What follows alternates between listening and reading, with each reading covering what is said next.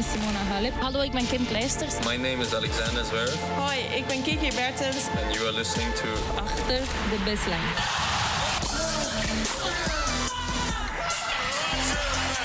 Your champion, Novak Djokovic. Dit is Achter de Baseline. Vanuit Flushing Meadows. Met Abe Kuil en David Avakian. In twee dagen tijd zijn de nummers 1, 2 en 3 van de plaatsingslijst eruit gevlogen in het vrouwen-enkelspeltoernooi. Dat is een beetje het uh, thema waar wij het over gaan hebben vandaag, David. Um, vandaag was de partij waar jij het meeste naar uitkeek, Naomi Osaka tegen Belinda Bencic. Nou ja, vertel maar, uh, wat, uh, wat leverde die wedstrijd op en hoe heb jij er tegenaan gekeken? Nou, die wedstrijd leverde eigenlijk een, een soort herhaling op van de eerdere wedstrijden van die twee dames tegen elkaar eerder dit jaar. Uh, in New Wells en in uh, Madrid. Ja, Belinda Bencic die uh, heeft Naomi Osaka gewoon door. Is, is, is mijn takeaway van, van deze wedstrijd en van wat ik dit jaar heb gezien. Ehm, ja, Bencic staat natuurlijk bekend om, om, haar, om, om haar handjes, om de manier hoe snel ze die bal kan nemen. En dat ze alles van tevoren ziet. En Osaka die leek niet voorbereid ik vond haar ook niet, niet, niet zo snel en niet zo scherp als in voorgaande wedstrijden. Maar het kan er natuurlijk ook mee te maken hebben dat zij weet dat Bencic zo'n angstkekner is. En dat ze daardoor wat, uh, ja, wat verlamd misschien was. En af en toe echt gewoon uh, ja, outplayed werd. Dat, dat ze niet eens in de buurt zat door uh, dat Bencic dan weer plotseling een, een keiharde knal um, ja, eigenlijk terugkaatst langs de lijn bijvoorbeeld. Dus ja, het, het, het is, ik kreeg af en toe een beetje het gevoel van wat, wat Nadal tegen Federer kon doen. Hè? Zeg maar de vroegere Nadal tegen de vroegere Federer. Dat, dat het gewoon niet, ja, voor Federer niet lukte. Nou, dat, dat uh, lukt bij Osaka ook niet tegen Bencic. Ja, zoals ik er tegenaan keek en wat ook een beetje de, de algemene reactie was... was dat in principe natuurlijk Bencic um, ja, zich, zich sterkt uit dat spel van uh, Osaka. Ze kan dat overnemen, hè, als het ware natuurlijk. Dat is haar kracht. En het, het oogde ook af en toe een beetje alsof dan Osaka misschien wel bang was om dan haar eigen spel echt, echt te spelen. Want als zij haar eigen spel speelde, dan maakte ze eigenlijk Benchies beter daarmee. He, ja. door, die, door die versnellingen te gebruiken en, en de voorhand cross en zo. En ja, Benchies vond het allemaal wel prima als er vaart erin werd gebracht. Dus, dus dat is inderdaad zo. Ja, jij had uh, Federer ja. Nadal aan. Uh, het is een kwestie van match-ups. En voor Benchies is het gewoon een, een prettige match-up om zo te tennissen. Zeker. En ik, ja, dat is natuurlijk heel interessant, uh, dat, dat lezen wat Benchic bij alle tegenstanders doet. Maar ja, bij Osaka dus uh, is het extra duidelijk. Dus tijdens de persconferentie uh, vroeg ik ook aan Bencic, kan je daar iets meer over vertellen? Want je zegt ja lezen, maar wat zie je dan hè, als, je, als je kijkt? Is het dan dat als uh, Osaka aanlegt dat je dan ziet van tevoren dat die cross gaat of dat die rechtdoor gaat? Of is het meer dat je patronen herkent? En ze probeerden daar antwoord op te geven. En het kwam er eigenlijk op neer dat het gewoon puur een instinct kwestie is. Het is niet iets dat ze heeft bestudeerd of zoiets. Het is echt gewoon allemaal een gevoelskwestie. En dat, uh, ja, dat wordt extreem duidelijk in, in deze matchup. Ja, we moeten even nog vertellen dat wij deze podcast vandaag iets vroeger opnemen voor het begin van de avondsessie. Ik zit straks klaar voor Nadal tegen Cilic om het, om het commentaar te doen. Maar niet dat, stel Nadal die vliegt eruit straks. dan hebben we ja. dus niet in deze podcast. En denken mensen misschien, waarom, waarom is dat niet de opening van, van deze aflevering? Maar we zitten dus voor, voor die wedstrijd begint deze podcast op te nemen. David Bencic, um, daar even op doorgaand. Jij hebt gesproken met, uh, met iemand die jij uh, inmiddels al wat beter kent. Die vaker ook in de uitzending is geweest uh, in jouw clips voor Eurosport of in, in de podcast. Dat is Marijn Bal. Dat is een manager die diverse spelers onder zijn hoede heeft. Je hebt het vaak met hem gehad over Azarenka Kvitova. Twee van zijn andere cliënten. Maar sinds kort werkt hij ook samen met, met Brinda Bencic. En um, ja, wil jij nog iets zeggen voordat we gaan luisteren naar het interview? Of... Moeten we dat gelijk maar Nee, nou ja, goed, hij was natuurlijk de, de, de uitgesproken kandidaat om, om even voor de microfoon te trekken. In het Nederlands ook, dat is belangrijk, om het is een Nederlander, dus daarom is het ook relevant voor ons. Uh, ja, om, om iets te vertellen over Bencic, om, om haar een beetje ja, neer te zetten hè, voor, de, voor de Nederlandse kijker. Want het is een speelster die iedereen wel, wel kent, denk ik, de aandachtige kijker, maar niet heel veel over weet. Dus uh, ja, laten we maar gaan luisteren, denk ik. Ja, en, en nogmaals, uh, Marijn Bal, je sprak hem dus voor de wedstrijd van Bencic ja. tegen Osaka. En uh, hier komt dat interview. Marijn Bal, bedankt dat je weer de tijd hebt genomen. We hebben het altijd over Petra Kvitova, Victoria Azarenka, cliënten van jou. Maar Belinda Bencic is ook uh, sinds kort een cliënt van jou. We kennen haar natuurlijk van haar ja, topjeugdcarrière. maar als je haar moet neerzetten, als je haar moet introduceren aan het Nederlandse publiek, wat vertel je dan? Goh, dat is een leuke vraag. Um, ik noem haar Belinda 2.0. Um, ze is eigenlijk net pas 22 jaar oud, maar iedereen denkt dat ze al 10 jaar op de Tour speelt. Want ze was natuurlijk heel erg jong toen ze als professional eigenlijk al doorbrak toen ze 17, 18 was. Was in de top 10, stond nummer 7 van de wereld. Um, heeft eigenlijk twee jaar redelijk veel blessureleed gehad. Um, maar in het begin van dit jaar begon, geloof ik, 48 van de wereld. In het begin van 2019. En mij werd gevraagd om haar management over te nemen op dat moment. En uh, ja, ik, ik had altijd wel veel vertrouwen in haar. Het is een meisje die ik al heel erg lang ken, ook van de junioren al. Ik ken haar sinds een jaar of twaalf is en haar familie. En uh, ik spreek eigenlijk vloeiend Duits, dus dat helpt ook. Um, dus ik ik dacht, nou ja, goed, ik heb mijn handen al vol, dus een beetje meer erbij kan nog wel. Um, dus we zijn toen begonnen en ze heeft een fantastische eerste acht maanden van het jaar gehad natuurlijk. ze won Hopman Cup met Federer. Toen vierde ronde Australië, won Dubai. Um, halve finale um, Indian Wells, halve finale Madrid. Dus ja, in één keer sta je 12 van de wereld en ben je onderweg naar de top 10. Dus de nickname 2.0 komt een beetje omdat ze in de tweede fase is van haar carrière. Ze heeft de eerste carrière gehad, dus een tijdje geblesseerd geweest. Nu tweede carrière. En het is geweldig om te zien hoe ze daarmee omgaat. Ze heeft heel veel geleerd. Het is een heel volwassen meisje voor uh, 22 jaar oud, zou ik zeggen. En uh, ja, je ziet de next generation komt eraan nu ja, altijd gebombardeerd als het grote talent. Zeker ook natuurlijk met die geschiedenis van Zwitserland met Weder en Martina Hingis in, in het achterhoofd. Zij heeft ook met de moeder van Martina Hingis gewerkt in het verleden. Ja, haar, Melanie Molitor, de moeder van Martina, was haar jeugdcoach, om maar zo te zeggen. Haar vader, Ivan Bencic, is haar echte coach. Dus Ivan heeft veel contact met Melanie altijd door de jaren gehad. En ze zeg maar, hebben haar samen gecoacht tot op een gegeven moment Melanie gewoon er niet meer eh, bij hoefde of wilde of hoorde bij. Dat was allemaal voor mijn tijd, dus daar weet ik niet helemaal de details over. Uh, maar goed, uh, ze, heeft, ze speelt heel erg als Hingis, dat kan je zien. Je kan echt de handdruk van Melanie Monitor op haar spel zien. En ja, het is, is, geweldig om te zien. Het is een hele leuke meid om, om, om mee om te gaan. In de eerste plaats het is erg marketable en tweede is een hele goede tennisser. Dus goede future we hebben het al gezegd, Belinda is op jonge leeftijd natuurlijk uh, ja, gebombardeerd als, als een toptalent. We zien nu wat hier gebeurt met Coco Gauff op de US Open. Jij als, als agent volgt dat denk ik ook met veel uh, interesse. Ja, wat, wat doe je als, als manager als je zo'n jonge speelster hebt... die zoveel talent heeft en die eigenlijk al veel meer kan doen dan ze mag? Um, ja, hoe, hoe manage je zoiets? Nou, je zei net het woord uh, meer doen dan ze mag. Dat is eigenlijk het, uh, het zwaarst, de zwaarste opgave die je als agent hebt uh, van een jong toptalent. de regels op de WTA-tour zijn heel streng met hoeveel toernooien je kan spelen tot en met je 18 jaar oud bent. ja, 15 jaar oud kan je niet heel veel spelen. Je bent heel erg gelimiteerd, zoals het heet met de Age Eligibility Rule.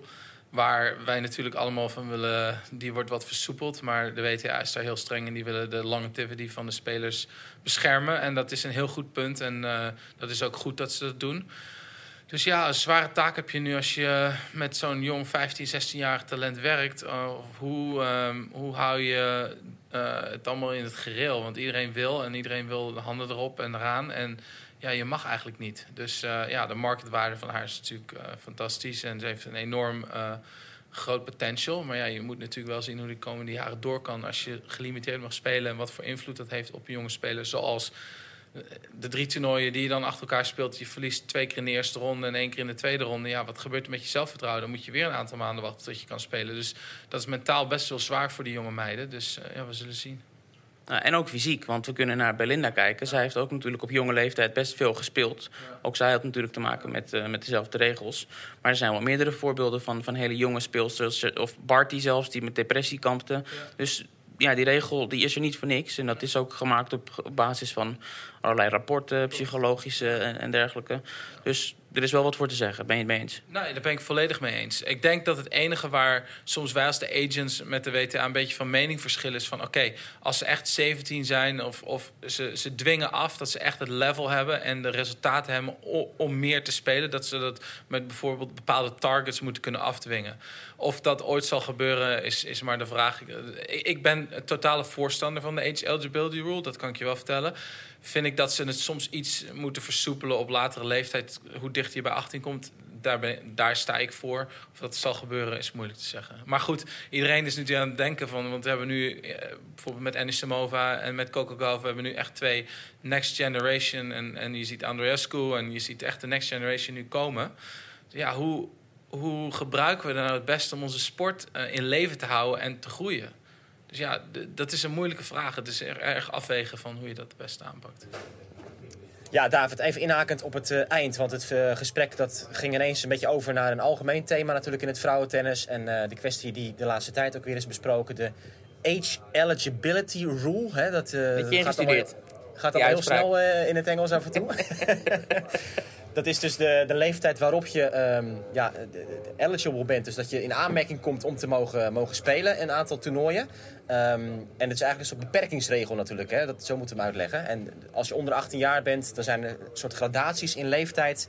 Waardoor um, toptalenten als uh, Coco Gauff bijvoorbeeld ook... ja, dus niet elk toernooi mag spelen dat ze wil. Kan je even kort samenvatten wat nou precies die regel inhoudt... en wat de beperking voornamelijk is? Ja, we hebben het er eerder over gehad, hè? In, in, in de podcast ook. En ook ja, precies. Maar toen hebben we het ook een beetje algemeen gehouden. Dus het is goed om het even een beetje eh, te benoemen nu. Ja, nou, um, wat er dus gebeurt is dat, uh, dat ze willen voorkomen um, ja, dat, dat de jonge speelsters zich overplayen. En, en hoe doen ze dat dan? Dan hebben ze dus een, een, een regel ingesteld dat je tussen je 14 en 15e levensjaar mag je uh, acht toernooien spelen op, de, op het hoogste niveau. Hè, ben je dan tussen de 15 en de 16, dan wordt dat 10. En zo loopt het op tot en met 18 jaar dat je steeds iets meer toernooien mag spelen. Of door je ranking of door de wildcards. Want dat is ook iets wat dan meebeweegt. Zeg maar, hoe ouder je wordt, hoe, ja, hoe, hoe ruimer het, het wildcard aanbod is. Althans voor het, uh, het, aantal toernooien dat je kan spelen en de soorten toernooien die je kan spelen. Want het stijgt ook qua niveau van toernooien, de mogelijkheden. Dus het wordt gewoon, het makkelijkste is om het zo uit te leggen dat met elk jaar dat je ouder wordt richting de 18. Op het moment dat het allemaal open komt en je ongelimiteerd overal mee kan doen, heb je dus steeds meer kansen om mee te doen. En waarom is dat nu zo relevant? Je noemt het al met uh, Coco Gauff. Want zij is eigenlijk haar, uh, ja, haar generatiegenoten vooruit in die zin. Dat ze de indruk wekt dat ze natuurlijk al veel meer kan spelen dan, dan toegelaten is. Als zij maar tien toernooien mag spelen dit jaar, ja, ze kan er meer. Dus daar is nu een hele discussie over of daar misschien aan gesleuteld moet worden. Of er uitzonderingen gemaakt moeten worden voor speelsters als zij. Um, maar ja, we hebben al eerder aangegeven dat die regel natuurlijk er niet voor niets is. En dat komt ook met het gesprek, uh, in het gesprek met Marijn uh, naar voren. We moeten oppassen ermee, want er zijn talloze voorbeelden van hele jonge speelsters. Om te beginnen met uh, Jennifer Capriati. Ja, met wie dit eigenlijk allemaal begonnen is in 1994 om die regel in te stellen. Zij begon op haar dertiende. Nou, dat is iets wat sowieso niet meer mogelijk is, want op 13-jarige leeftijd mag je geen, geen toptennis spelen.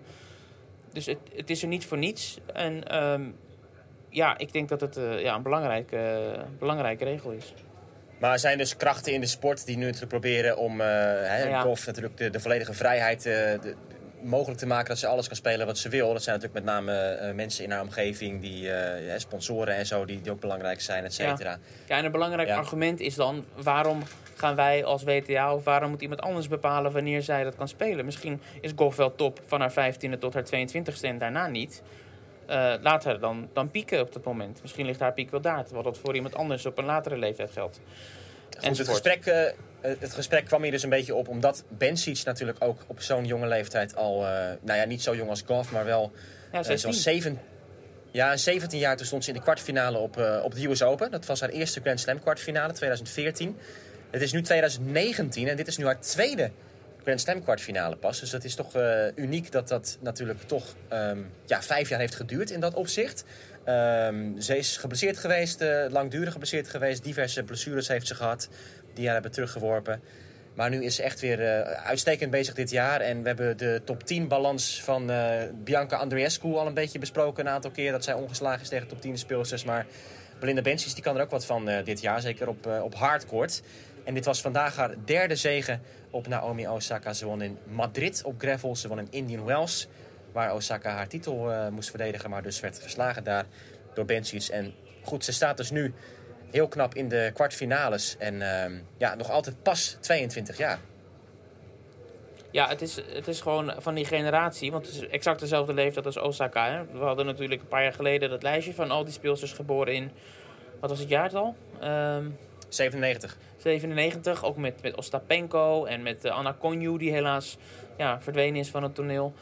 Het, het is uh, de originele next gen zeg maar, van de, bij, op de WTA-tour. Terwijl we nu al een stap verder zijn met Goff en met, uh, met Anisimova en Swiatek. Um, ja, ontzettend getalenteerde generatie. En met Belinda Bencic als, ja, als onmisbaar onderdeel daarvan. Um, zoals gezegd, um, ja, het vrouwentennis natuurlijk de laatste jaren, het verhaal is bekend. We hebben veel verschillende kampioenen gehad, veel nieuwe kampioenen ook. Um, door de nederlaag vandaag van Osaka um, wordt het het derde jaar op rij dat het Grand Slam seizoen bij de vrouwen vier verschillende winnaressen oplevert. Dan ga ik even terug naar 2017. Dat was dus het eerste van die drie jaar. Uh, Serena Williams won toen. Ostapenko, Muguruza, Stevens. 2018 Wozniacki, Halep, Kerber, Osaka. Die twee jaar, acht verschillende winnaressen. Dat is 80 jaar niet gebeurd. Dat was al een heel uh, markant uh, gegeven natuurlijk. Dit jaar Osaka die haar tweede Grand Slam titel op rij pakte in Melbourne. Barty, nieuwe kampioene. En Simona Halep die heeft gewonnen. En daar komt dus ook weer een vierde naam bij. Nu is het natuurlijk weer zo dat dan de discussie oplaait. De laatste twee dagen nummers 1, 2 en 3 geplaatst eruit bij de vrouwen.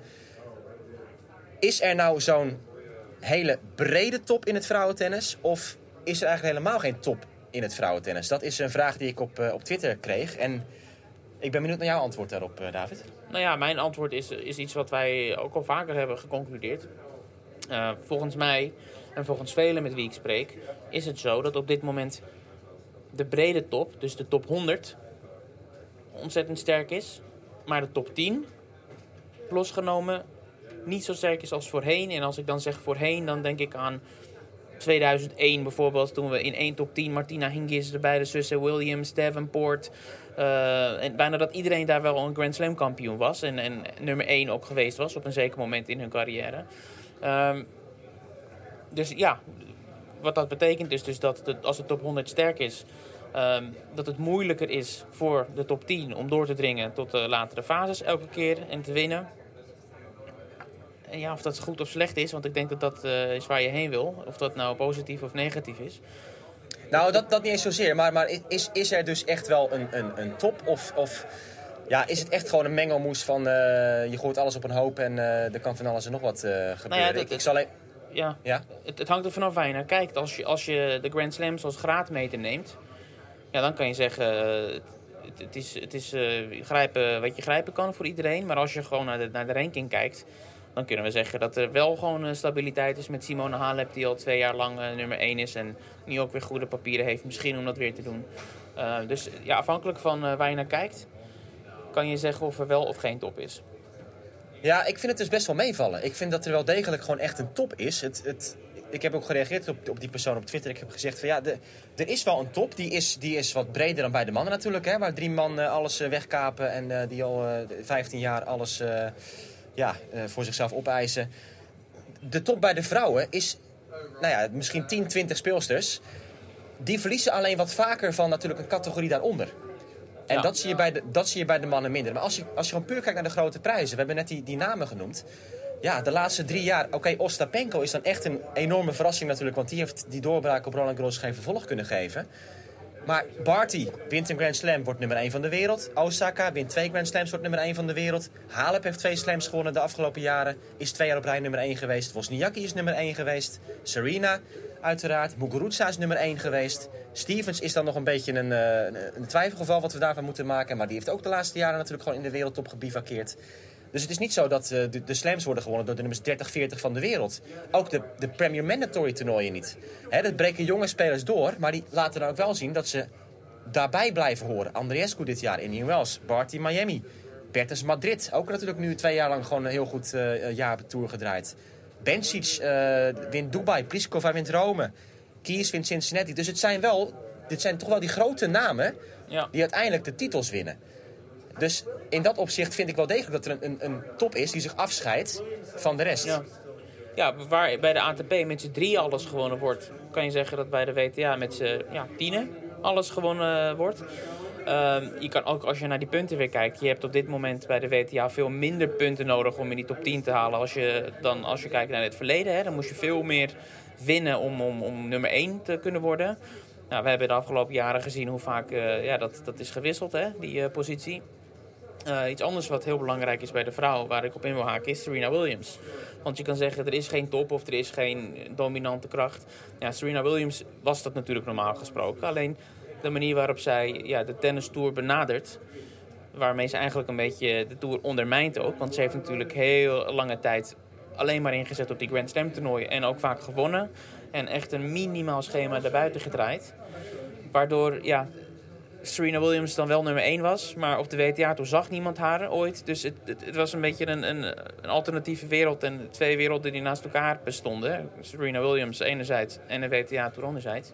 Dus het is allemaal wat, wat rommelig. En uh, om die reden is het denk ik ook allemaal zo wisselvallig.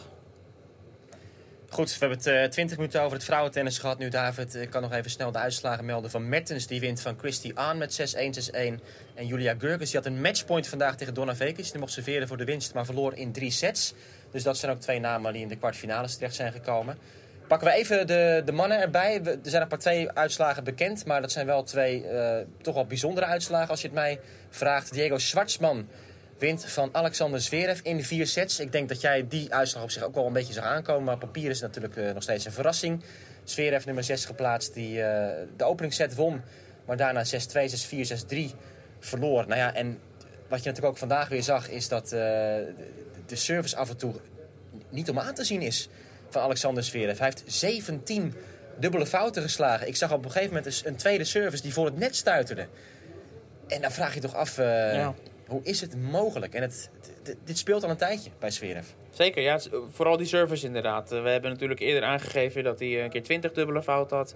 En hij heeft uh, nu een aantal wedstrijden in ieder geval gehad met 15 plus. En nu ook weer. Ja, ik... Uh, ik ja, en die 20 waren in een, in een drie-setter, hè, notabene. Dat ja. was van de zomer nog. Dus, uh, ik, ik, ik, ja, wat, wat, moeten we er, wat moeten we ervan zeggen? Dit is een wonder. Ik, ik vermoed dat het wel weer over zal gaan. Uh, want hij had natuurlijk een, een, hartstikke solide, sterke service in die tijd dat hij uh, ja, van de grootste namen wist te winnen.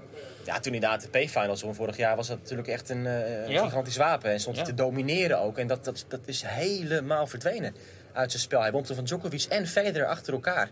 Ja. En goed, het is nou ja, een soort vloek van die ATP-finals van de laatste paar jaar. Want twee jaar geleden won Grigor Dimitrov. Die had toen gelijk een, een rampjaar, of ramp anderhalf jaar eigenlijk, tot deze US Open bijna. En Alexander Zverev is ook uh, nergens meer te bekennen geweest na het winnen van, uh, van de Tour Finals eind vorig jaar. Ja, nee, dat uh, heb je goed gezien. Um, André Rublev had ik vandaag wel als winnaar, winnaar omcirkeld op voorhand tegen Matteo Berrettini, denk ik. Zeker gezien zijn geweldige wedstrijd tegen Nick Kyrgios in de ronde ervoor. Maar het werd 6-1, 6-4, 7-6 voor Berrettini, de nummer 24 geplaatst uit Italië. Die toch voor de massa nog wel een beetje onder de radar vliegt. Maar echt een, een, een waanzinnig jaar heeft natuurlijk. Um, misschien dat de meeste mensen hem nog wel herinneren. Uh, juist vanwege een ja, teleurstellende prestatie. Die partij tegen Federer op Wimbledon. Die natuurlijk heel snel voorbij ging. Uh, dat was zijn eerste vierde ronde bij een Grand Slam. Nu heeft hij dus zijn eerste kwartfinale gehaald. En dat is pas in het tweede jaar dat hij echt de Grand Slam toernooien speelt. Dus dat is een, een prachtig resultaat voor Berrettini. Wat, ja, wat, vind jij daarvan, van die zegen op, op? Ik vind vooral de manier waarop hij speelt spectaculair. Het is, het is van alles wat. Keiharde klappen, slice, creatief. Hartstikke goed uh, balgevoel ook. Dropshotjes met de volleys. Snelle arm heeft hij.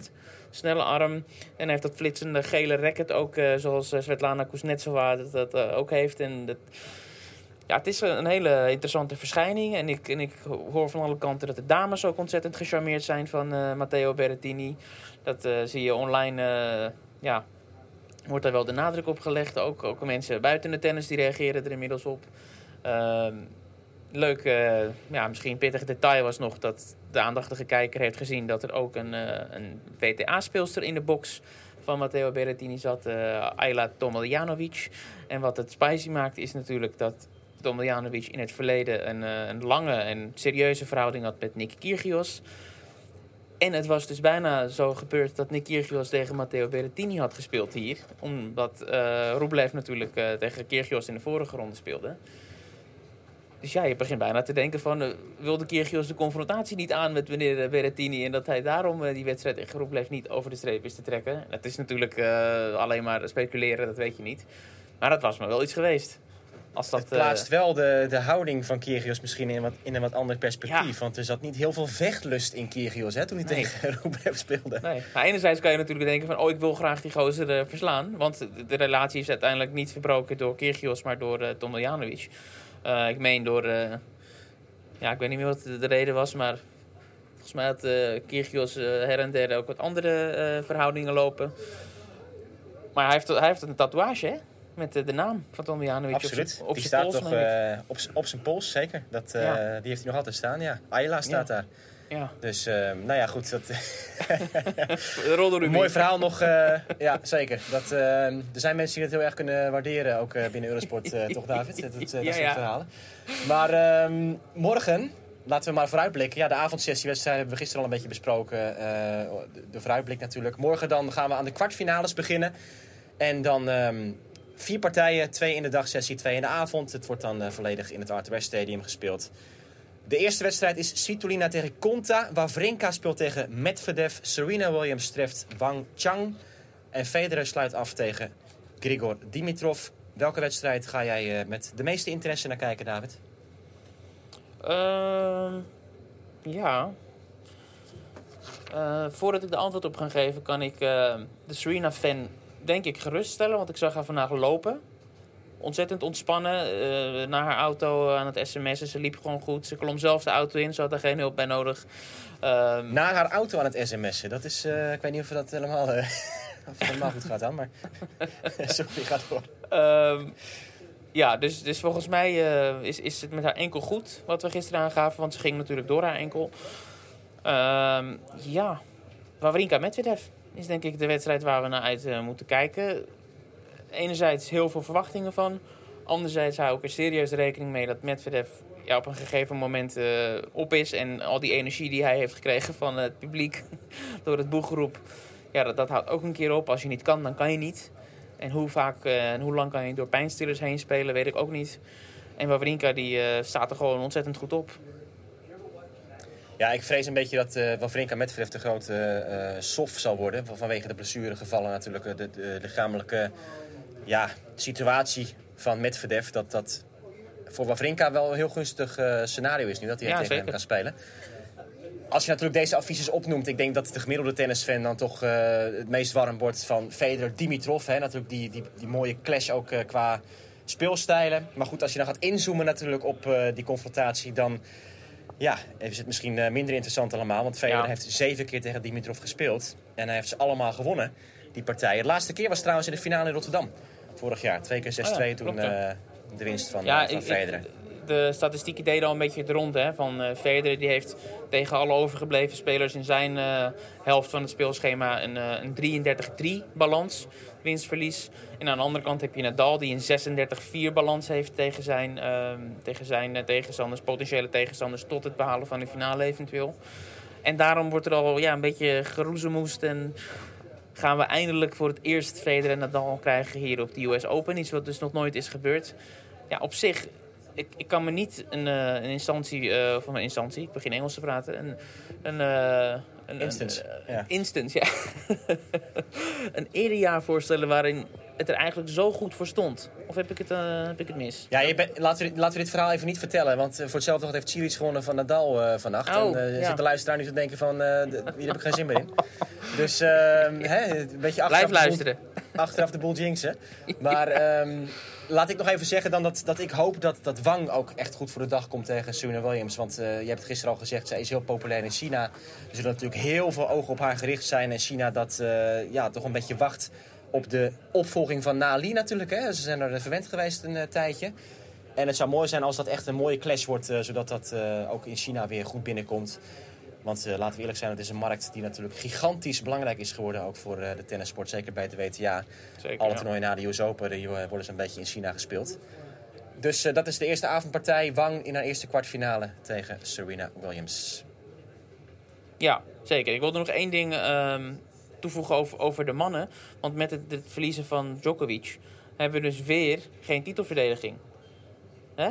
Wat we hadden aangegeven dat het sowieso eh, op, Ja. op de US Open voor het laatst in 2008 is geweest. Dat, eh dat Federer in dat geval de titel wist te verdedigen. Dus weer niet. Ook een soort vloek. Vloek van het winnen van de US Open. Ja, dus laten we heel erg oppassen met al over Federer en Nadal spreken. Want daar heerst ook altijd al een eh, vloek op dat het toch altijd misgaat. eh één ronde van tevoren of zo, dat iemand nog verliest. Nou. Ehm, en misschien... Nee, over de US? Open hebben we het, hè? Over de US Oh, Open. over de US Open. Ze, Ja, ze hebben nooit, eh, nooit op de US Open tegen elkaar gespeeld. Dus, eh, maar het Chilitis is misschien wel keihard aan het lachen bij het luisteren naar deze podcast vandaag. maar ehm, goed. Kwartfinales, die beginnen dus om 6 uur. Alles is weer live te zien op Eurosport. Wij gaan de actie weer nabespreken. Dit was weer een aflevering van Achter de Baseline. En wij zijn er dus snel weer.